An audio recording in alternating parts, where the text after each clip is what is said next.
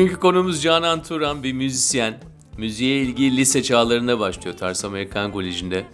Ve 2001 senesinde birçoğumuza vibe dedirtecek şekilde o cesaretle hayatını İngiltere'de inşa etmeye başlıyor. Çantasında kendi yaptığı boncuklar, parasız kalırsam satarım diye hazırladığı boncuklarla Londra'ya gidiyor Canan. 15 yıldır da orada.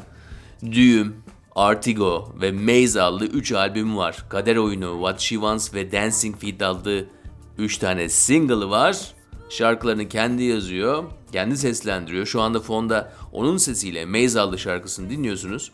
Canan'ı yılbaşında Türkiye'de çıkaracağı single olan Dünya'nın klip çekimleri için İstanbul'da olduğu sırada yakaladık.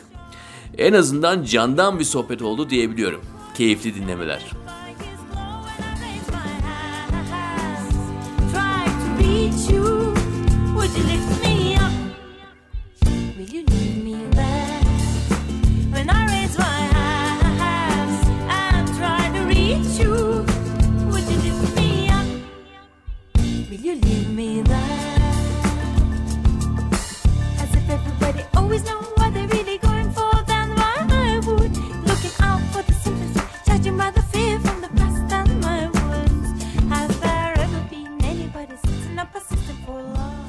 Senin utangaç bir insan olduğunu nereden bilmiyorum. Videolarını izlediğimden dolayı olabilir. Daha önceki e, röportajlarından olabilir ama galiba onun dışında bir şey. Ve e, ben, Görünüyor mu eyvah? eyvah değil işte galiba çünkü e, işini beğendiğin, işini takip ettiğin ve yıllar boyunca takip ettiğin birçok insana baktığın zaman hani ister müzik, film, tiyatro ne kadar utangaç insanlar olduklarını görüyorsun. Yani orada bir artı değer var herhalde diye düşünüyorum. Öyle mi? Hayır bilmiyorum. ya vallahi evet yani çok enteresan. Yani ben de anlamıyorum. Yani çünkü sahnede falan hiç problemim yok da yani onun dışında bazen zorluk çekiyorum açıkçası. Ona yalnızca zorluk olarak mı bakıyorsun? Yani bir ne var? Benim ben de çok utangaç bir insanım. Ee, ama belki suyun bardağın dolu tarafından baktığımdan dolayı ama onun belli avantajları zamanla ortaya çıkmaya başlıyor. Aslında şey e, ben Timur Selçuk'tan ders aldım e, burada yaşarken şan dersi. O bana hep diyordu o zaman Allah'ım yani gerçekten çok çekingen başlamıştım derslere. Ama o hep diyordu böyle böyle insanlar yavaş yavaş aşılıyor ama daha uzun süreli oluyor genel olarak. Bilmem ki yani belki enerjini mi koruyorsun? Bana biraz benim şöyle bir problemim oluyor bazen işten bahsederken fazla heyecanlanıyorum. Bazen başkasına da çok zor gelebilecek bir detaya takılabiliyorum mesela. Hani akıllı bir şekilde böyle isimleri ver, yerleri, işte fiyakalı kısımlarından bahset, derle toparla böyle güzel bir hikaye sunu beceremiyorum. Mesela bazen bir melodiye takılıyorum. Sana şimdi yarım saat ondan bahsederim. Burada uykumuz gelir. Hani biraz ondan çekindiğimden herhalde. Ama bu arada sen mesela utangaç diyorsun. Benim şöyle mesela senin gibi işte o videoları seyreden veya böyle yüz yüze konuştuğum insanlar diyor sen sahnede nasıl şarkı söylüyorsun? Çünkü çok utangaçsın. Sırf sahnede gören de Allah'ım ne kadar kendine güvenli. Yani öyle bir yani aslında sahnedeki olay kendime güvenden değil de onu çok çalışmış olmaktan hani o doğal bir şey haline gitti. Çıkıyorsun, yapıyorsun, bitiyor. Hatta yani çok rahat hissediyorum. Ama öyle bir iki kişilik var yani sanki. Peki o iki kişilikten bahsedince hani biri sahnede, biri normal hayatta diyelim. Ama bir de sahne olmadan ama işi olan şeyler var. Yani birçok insanla beraber çalışıyorsun. Hı hı. Onlarla kontaklıyorsun, onlar seni arıyor, sen onları arıyorsun. Şurada buluşalım, şunu şöyle yapacağız. Üç haftalık çalışma programı, stüdyoya gireceğiz. Ee, konser ne zaman, işte işte bu kadar gün var hazırlanacağız. Bütün onların provaları bayağı bir sosyallik gerektiriyor herhalde ve e, orada da rahatsın. Orada da rahatım ama şöyle yani çok enteresan da yani çok şanslıyım. Çünkü şey gibi bakıyorum yani benim işim sanki hani kuyuya taş atan deli. hani bir taş atıyorum böyle bayağı bir arkamdan insan geliyor her seferinde. Gerçekten çok şanslıyım. Bir kayıt yapacağımda veya video projesi vesaire bu tarz şeylerde çok destek görüyorum ve çok güvendiğim insanlar var. Arıyorum, toparlıyorum onları projenin içine. Ay ama bazen de yani mesela çok tanımadığım birinle görüşeceğim bir konuyu. Konuşamıyorum. Bir hafta alıyor telefonu yapma, açmam mesela. Ondan sonra genelde böyle bakkala yürürken falan hani böyle ritmik bir şeyin içerisinde yapabiliyorum o görüşmeyi. Mesela evde falan hiç açamıyorum. Yani o da böyle biraz gelişi güzel. Yani sevdiğim, tanıdığım ve uzun zamandır çalıştığım insanlarla hiçbir problemim yok. Ama bazen diğer kişilerle yani o hani 35 tane iş yapıyorum. O telefonu açmam böyle artık en sona falan kalıyor. Yani bazen o problemi yaşıyorum. Ve bakkala giderken. Bakkala giderken çok.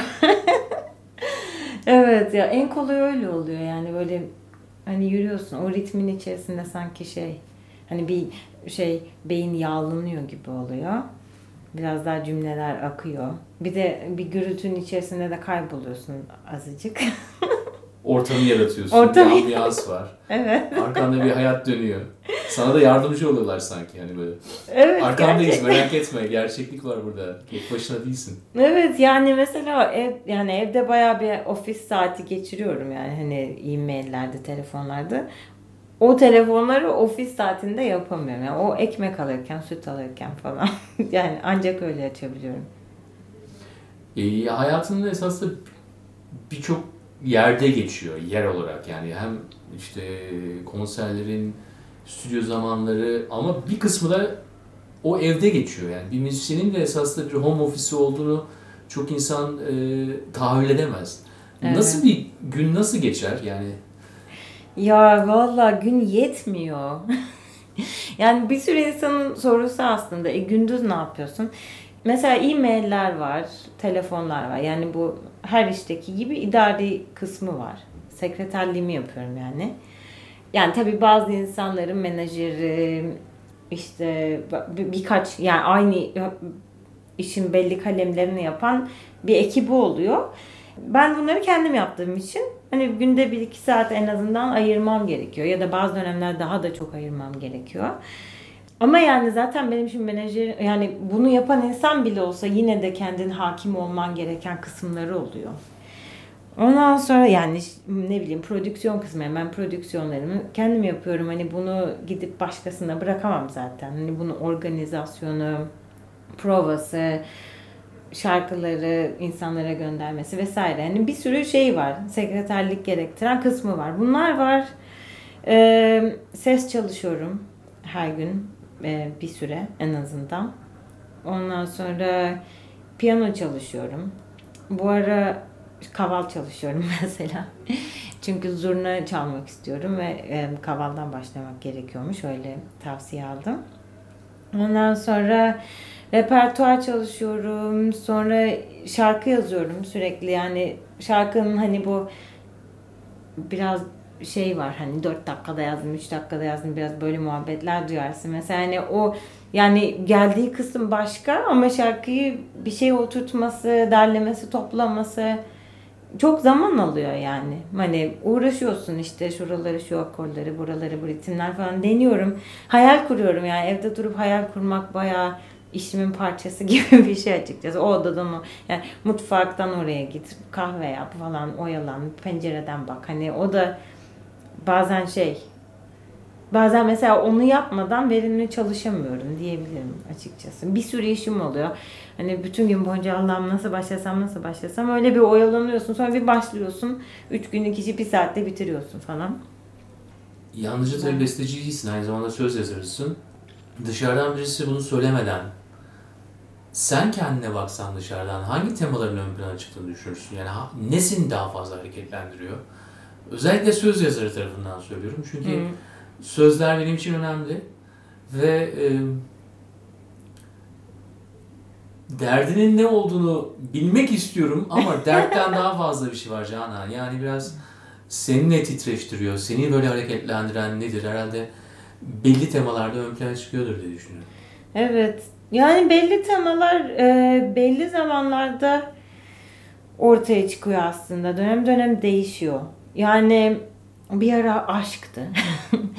Ondan sonra e, bir ara cesaretti çok. Yani cesareti çok şey ciddiye almıştım galiba. Hani bir şeyi kafana takarsın, kalkıp yaparsın falan filan.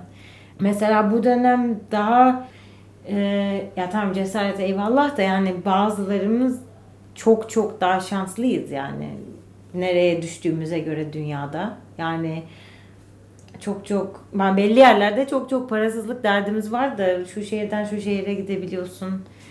Telefon edebiliyorsun falan. Yani millet sınırlarda doluşmuş vaziyette yani.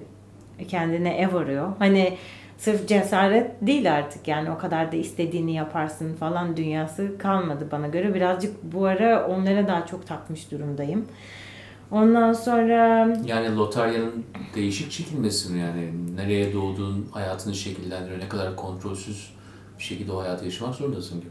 bir nevi yani birazcık e, eşitsizliğin daha çok yani her zaman farkındaydım. Yani bebekliğimden beri çok takığım bu konuya ama yani bebekliğimden beri adalet istiyorum dünyada ama yani şu anda daha artık gözümüze gözümüze sokulmuş vaziyette yani hani o yüzden bu ara birazcık daha şarkılar o yönde geliyor bana.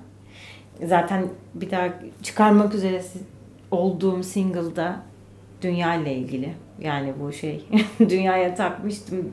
Bir şeyler yazmaya çalışıyordum. Zorlamayla olmadı. Bir gece rüyamda gördüm yani. Hani neyse ki kendi kendine geldi. Neyi? Türkçe. Efendim Neyi gördün?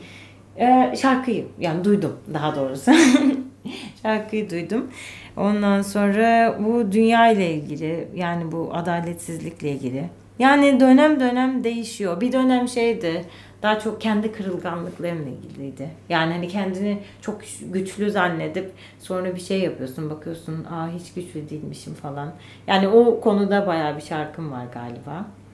Öyle yani bence bir tema yok. Peki bir hayal e, hayat stili ilekarlığı diye bir şey var yani hayat stilinin böyle bir empoze edilmesi e, ve biraz önce bahsettiğim şeyler de olabilir. Ama biraz da yeni dönemde yani böyle e, e, kullan evde kullandığın eşyalardan tut da gününü nasıl geçirdiğin, hangi kahveyi içtiğin, e, tabii moda var işin içerisinde. Yani bunlardan bir tanesi de tabii bu hayat stilinin satılmasındaki faktörlerden bir tanesi de özgür olmak, rüyaların peşinde koşmak ve aynı zamanda hani böyle bir renkli bir hayata sahip olmak. Ama sende öyle, öyle bir şey var ki kendi kendine zaten e, onu yapmışsın ve hani böyle bir özgür insan modeli demek istemiyorum ama çok özgür bir insansın. Ya Yani evet, Yaşaman, e, bir şeyleri yapman hep böyle başka bir modeli illa takip etmeyip kendin yaratmışsın bunları. Ya bize Evet. biraz anlatsana yani nasıl geçti son 15 senin? Nasıl bir şey yaşadığın yerler, İngiltere'de yaşamak nasıl? Böyle bir insan şey gibi oluyor hani. E, geriye dönüp baktığı zaman Of Allah'ım. şimdi korkarım bunları yapmak. Ya valla ben de sanki ben olsam şimdi korkarım gibi geliyor. Çünkü yani bir kere şöyle İngiltere'de müzisyen olunca çok insanın zannettiği çok kolay koşullarda gitmişim gibi. Yani kesinlikle öyle olmadı. Kendimi böyle şey gibi toz bezi gibi yerlere sürdüm diyebilirim yani. Gerçekten nasıl bir enerjiyle gittim ben de hala anlamıyorum. yani bir şöyle bir şansım oldu. Annem de babam da gitme demedi ki benim daha çok çevremde insanlar o zaman master'a gidiyordu veya doktora gidiyordu. Hani ya da bir organize bir şeyle yani ya da e, göçmen olarak gidiyordun. Yani hani benim gibi hani böyle aldım başımı gidiyorum. Hani ekonomik olarak da o tarz bir desteğim de yoktu. Yani Allah şükür hani cebimde böyle bir ilk harçlığım vardı. Ama hani böyle bir düzen kuracak vesaire bir şey yoktu gerçekten. Hani ben de anlamıyorum çünkü internet de yoktu. Ama bir deli enerjisi vardı yani. Bir- o zaman Timur Selçuk'tan işte Timur hocamdan ders alıyordum. O ara vermeye karar verdi. Ben dedim ki ben şimdi gidip deneyeceğim. Bir şekilde bir yol bulurum. Oturdum böyle 3 hafta falan boncuk dizdim. Yani kolyeler yaptım bir sürü bir sürü bir sürü. Böyle hayallerim böyle acayip büyük. Yani gideceğim Londra'da şarkıcı olacağım. Nasıl geçineceğim? En kötü ihtimal bu kolyeleri satarım falan. Ondan sonra o sırada da İstanbul'da kar yağmıştı. Bayağı bir eve tıkılmıştık zaten. Durmadan kolye yaptım. Ondan sonra gittim. Ee, hiçbir fikrim yok yani gerçekten nereden başlayacağım, ne yapılır falan. Bir tek müzikal, belki müzikalde oynarım falan yani. Şimdi bağlasam durmam. Orası ayrı da yani kendi müziğini yaptıktan sonra gerçekten 6 ay yani Phantom of the Opera falan istemiyorsun. Ee, yani bir şey yaparım. inancı vardı yani. Ben de gerçekten düşününce şimdi yani akıl işi gibi gelmiyor. Bana da inandılar yani annemle babam. Tamam hadi git falan. Ondan sonra biletimi aldım gittim. Kolyeleri satmaya fırsat olmadı. Şey oldu. Gider gitmez Allah'ım gerçekten o ilk 2-3 gün baktım yani bu şehir parayı yiyor. Yani şimdi öyle değil. Yani tabii yol yordan bilince daha farklı kendini bir şekilde oturtuyorsun da bilmeyince de yani Türk lirası pound'a dönünce böyle eriyip gidiyor ya benim dedim burada kalmama imkan yok. Ee, okuldan bir arkadaşım vardı Onur çok sağ olsun yani o bana hemen garsonluk işi buldu. Yani ben böyle gittim 3-4 gün içerisinde şey, restoranda başladım yani zaten. Ondan sonra iki yıl falan da orada kaçak çalıştım artık yani hükümet de duyarsa duysun çok da fark etmez. Ondan sonra o zaman şey vardı bir tane dergi vardı orada Loot diye böyle haftada üç kere falan çıkıyordu. Orada böyle ilanlar oluyordu müzisyenlerin ilanı işte vokalist arıyoruz şunu arıyoruz bunu arıyoruz. Ben böyle her gün şey elimde Loot böyle e, ilanları çiziyordum. Hepsini arıyordum böyle. Ondan sonra gittim böyle ilk yaptığım parayla demo. Hemen kendime bir demo yaptım. Demo falan da yoktu yani. Ondan sonra e, yani böyle deşe deşe deşe deşe bayağı bir zaman aldı yani gerçekten. E, ondan sonra yol biraz uzun ama hepsini anlatmam biraz zor olur da öyle. Ama ilk hafta ellerin elinde e, dantellerle diyeceğim. Elinde boncuklarla gittin. Boncuklarla Kaç- gittim. Kaçak bir şekilde boncukları ülkede satma amacıyla e, sınırdan soktun ama satamamışsın. Yok. yani ama çok enteresan şekilde zaten kazandım hayatım. İşte bu garsonluk işe yaradı. Ondan sonra ne bileyim saçma sapan şeyler oluyor en kafanı koyunca. Mesela çok komik bir anım var yani gerçekten bazen düşündükçe gülüyorum yani neler yani böyle bir sürü var da bir, sürü, bir gün sokağa çıktım arkadaşımla buluşacağım ama yani metroya binecek ve eve geri dönecek kadar para var. Ondan sonra gittim böyle o sıralarda e, yani Londra'da genelde insanlar çöplerini sokağa atıyordu. Evi boşaltıyor. Yani çöp dediğim hani işte mobilyasıydı vesaire. E, şimdi daha az sistemi değiştirdiler de yani evini döşersin böyle gayet güzel sokaktan. Ondan sonra e, sokaktan geçiyorum. Bir baktım bir evi boşaltıyorlar böyle. Ondan sonra bir sürü eşya falan ben de e, alayım bir şeyler dedim. Zaten çöp toplamayı da seviyorum gerçekten. Ondan sonra boşaltanlar dedi ki bunları işte e, tahta kurusu bastığı için bunları boşaltıyorlar. Almayın dediler. Ondan sonra ben de hay Allah falan çok da ne olduğunu da bilmiyorum ama herkes korkunca ben de korktum ama gitar vardı. Gitarı aldım. Ondan sonra yağmurda da arkadaşım bekliyorum. Gitarı da böyle elimde tutuyorum. Çok deli bir kadın geldi. Gitarı satıyor musun dedi. Yo işte çöpte buldum eve götürüyorum. Sat bana dedi. O sırada e, param da yok. Tamam dedim işte 20-30 pound'a gitarı aldı benden. Hani böyle böyle saçma sapan o kadar çok şey oldu ki yani bir şekilde hani hani şey yaptım yaşayabildim sonra da yavaş yavaş zaten orada söyle burada söyle ondan sonra hani ilk işim şeydi galiba. İlk işim bir tane Yunan restoranında söylüyordum. Victor diye bir müzisyenle tanıştım. Bir süre onunla çalıştım epeyce. İngilizce söylüyorduk o restoranda ama dedi ki yani senin Yunanca şarkılar öğrenmen lazım. Çünkü burada her zaman talep var. Ondan sonra oturdum deli gibi bir 50 parça falan Yunanca şarkı öğrendim. o, o repertuarı yaptım. Yani zaten hani geçimi kazanmak için çok alakasız bir sürü repertuar oluşturdum kendime yıllar içerisinde. Kendi müziğimi oturtana kadar hani bu tarz epeyce iş yaptım. Ne tür yerlerde yaşadın peki? Ne tür insanlarla tanıştın yaşadığın yerlerde?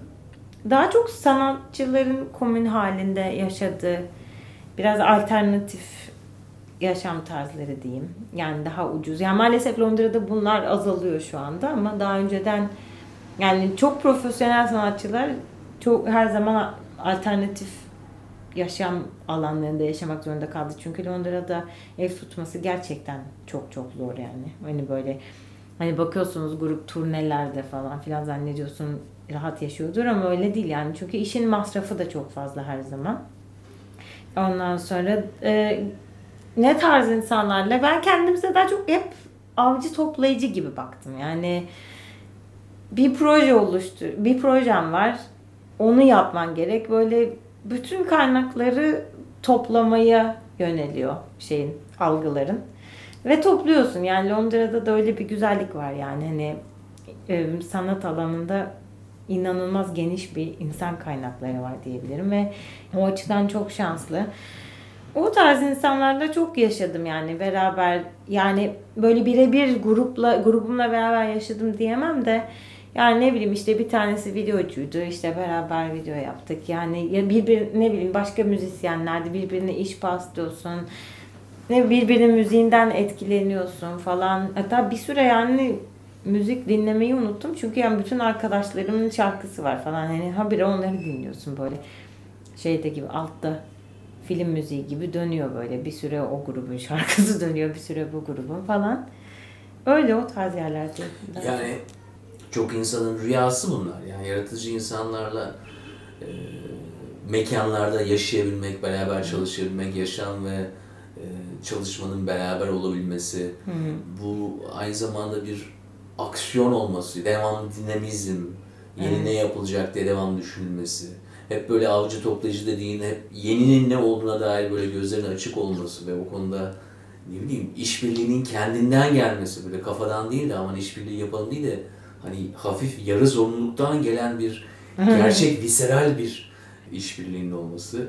Ya bu çok insanın rüyası. Yani rüyalarını gerçekleştirmişsin de aynı zamanda görünen o da gözüküyor. Ee, beni en çok ilgimi çeken taraflardan bir tanesi de şey yani bunu gerçekten müzisyen olarak falan sormuyorum yani. Biz bizi e, dünyanın herhangi bir yerine koyduğun zaman e, belli oranın adapte oluruz. Onlar gibi oluruz diyelim. Hani benliğini kaybetmek anlamında değil ama onlar gibi oluruz. Ama batıda bir yere koyduğun zaman e, oranın doğası gereği böyle ayrıştırmayı da çok sevdiklerinden dolayı Hı. seni bir kategorize ederler kafalarında. Çünkü bütün o medeniyeti öyle kategorize ederek yapmışlar ya, ayrı ayrı yapmışlar. Ondan sonra o kutuda görürler, güzel çerçevelerler. Onun Ee? dışına pek çıkmanı da izin vermezler. Evet. Bazen oluyor böyle bir zorluk. Yani bizi de biraz işte şey yaparlar. Türksün, Müslümansın. Hı. Kısaca benim doğumdan bir yerlerden geliyorsun ee, gibi. Hop tamam. Hı. Harika. Bunlar güzel. Bunlar olabilir yani. Bunlarda hiçbir sorun yok da neden çerçeveyi yalnızca onlarla ku- kuruyorlar? Orada bir sorun olabilir belki. Ya ben de açıkçası e, ben yani yaptığım şey tabii dışarıdan bu anlaşılmayabilir ama çok bilinçli bir şekilde o şeye girmeyi reddediyorum. Yani çünkü mesela ben şarkı yazarken gerçekten zorlamıyorum. Yani mesela swing bir şarkı yazdım. Çünkü epeyce bir yıl e, orada bir Lo Cucumber diye bir Gypsy Jazz, bu Çingene Cazı Django Reinhardt ekolünden gelen müziğin yapıldığı bir kulüp var. Ben yıllarca oraya aşık olmuştum. Yani bayağı bir zamanımı orada geçiriyordum. Oradaki zamandan esinlenme bir şarkı çıktı yani doğal olarak ortaya What She Wants diye. Kaydettim yani olduğu gibi yani bunu şimdi Hicaz yapmaya çalışmanın falan bir anlamı yok. Bu şarkı bu. Yani küçükken Bonnie M çok seviyordum. Yani disco her zaman çok severim. Disco bir single yaptım. Yani aynı zamanda Türk sanat müziğine bayılıyorum yani küçüklüğümden beri. Türkü de Türk sanat müziği de. Bu arada Londra'da balıkçıda söyledim. Bir tane Pelikan diye Türk balıkçısı vardı. Ee, bazen yani şey hem evimin köşesindeydi hem şey para ihtiyacım vardı hem de çok güzel bir yerdi. Gerçekten böyle oturuyor, geliyor teyzeler beraber söylüyoruz falan. Türk sanat müziği öyle bir yerde e, bayağı bir söyledim. Yani hani hepsinin etkileri var ve e, şeyi sevmiyorum yani müzik konuşulsun istiyorum. Müziğimi beğenirsin beğenmezsin bu hiç mesele değil yani beni gerçekten yani herkes beğensin gibi bir kaygım yok yani ve müzikle ilgili eleştiriye her zaman açığım ama kendi müziğini söyle gibi bir söylem var. Buna çok karşıyım gerçekten. Çünkü kendi müziğim mi ben başkasının varsaymasını istemiyorum. Yani gerçekten çok e, garip geliyor. Bence sanatta e, Orta Doğu'dan geldiğin zaman veya belki Uzak Doğu da olabilir ne bileyim. Yani belli belli yerlerden belli beklentiler var. Ve ben bir yani şuna karşıyım. Yani kültür ürünü her yere yaymışsın. Yani biz MTV seyrederek büyümüşüz. Sonra bana kendi müziğini yaptı. Yani bir kere yani bunun etkisini yatsıyamazsın yani hani ya da etkisi olmadığını düşünemezsin veya beni bunu sevmeyeceğimi de düşünemezsin veya benim sadece bağlama seveceğim ki bayılırım yani gerçekten. Yani ben bizim makamların, bizim müziğin hastasıyım yani. Şurada ben sana istersen 4 saat fasıl yaparım. Ama bir kendim bir şey sunduğum zaman kendimden olmasını istiyorum. Yani ben e, yorumcu olmak istemiyorum yani. Yorum da yapıyorum. Ama içimden gelen şarkıyı kaydedip onu sunmak istiyorum. Yani burada yarattıkları kutular ve kategoriler hoşuma gitmiyor. Yani onun içinde aktif olarak çalışmam gerekti yani ona karşı. Ve inatçı olmam gerekti gerçekten. Peki madalyonun şimdi öbür tarafından bakalım. Tamam bizi bizi diyoruz yani. Bir kutu Evet. içine alınabilir ama ya Batı Doğu olayı da yani. Genelde bu kutunun belli avantajları da var. Dedim ya mada- madalyonun diğer tarafı. Evet. Bu da yani yaptığın müzikle konuşmak istiyorsun diyorsun ama yani herkes biliyor ki yani kişi ve yapılan iş artık hele günümüzde tamamen birbirinin içerisine girmiş bir şekilde. Senin gibi e, çok şeyi çok iyi yapabilen bir insan belli bir dezavantajla yaşıyor mu acaba yani bir kendini kendini çerçevelemekte zorlanıyor musun? Evet bazen zorlanıyorum. Ben kendimi çerçeveleyebilirsem zaten başkasınınki çok umurumda değil de onu e, Niye çekiniyorsun peki kendini çerçevelemekten?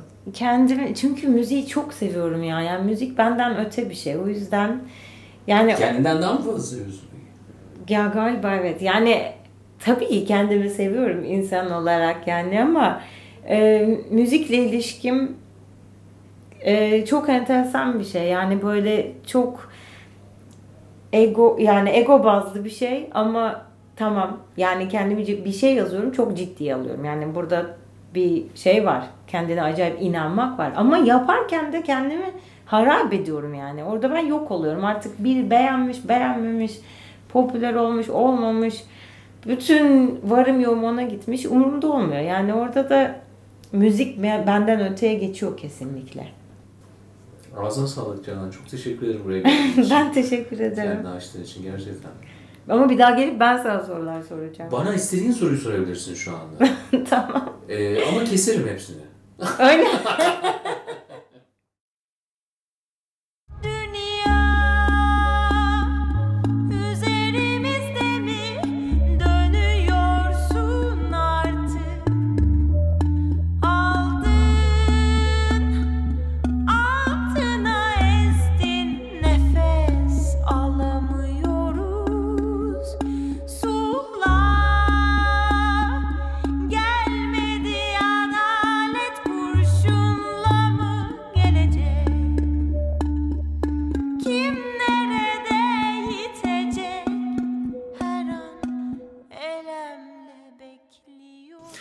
11-18 konukların ortak özelliği galiba bu. Kutulara hapsedilmeyi reddediyorlar, ön yargıları yıkıyorlar ve basma kalıp düşünceleri de itelemekte oldukça ustalar.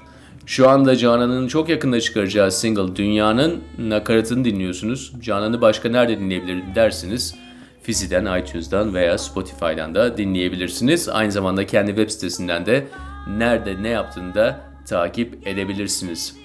1118 podcastleri ben Onur Akmehmet, Berna Kahraman ve Emre Sarı tarafından her hafta hazırlanıyor. Gelecek hafta yepyeni bir konukla beraberiz. Dünyayı severek kalın diyorum bu şarkı eşliğinde. Gelecek hafta görüşmek üzere.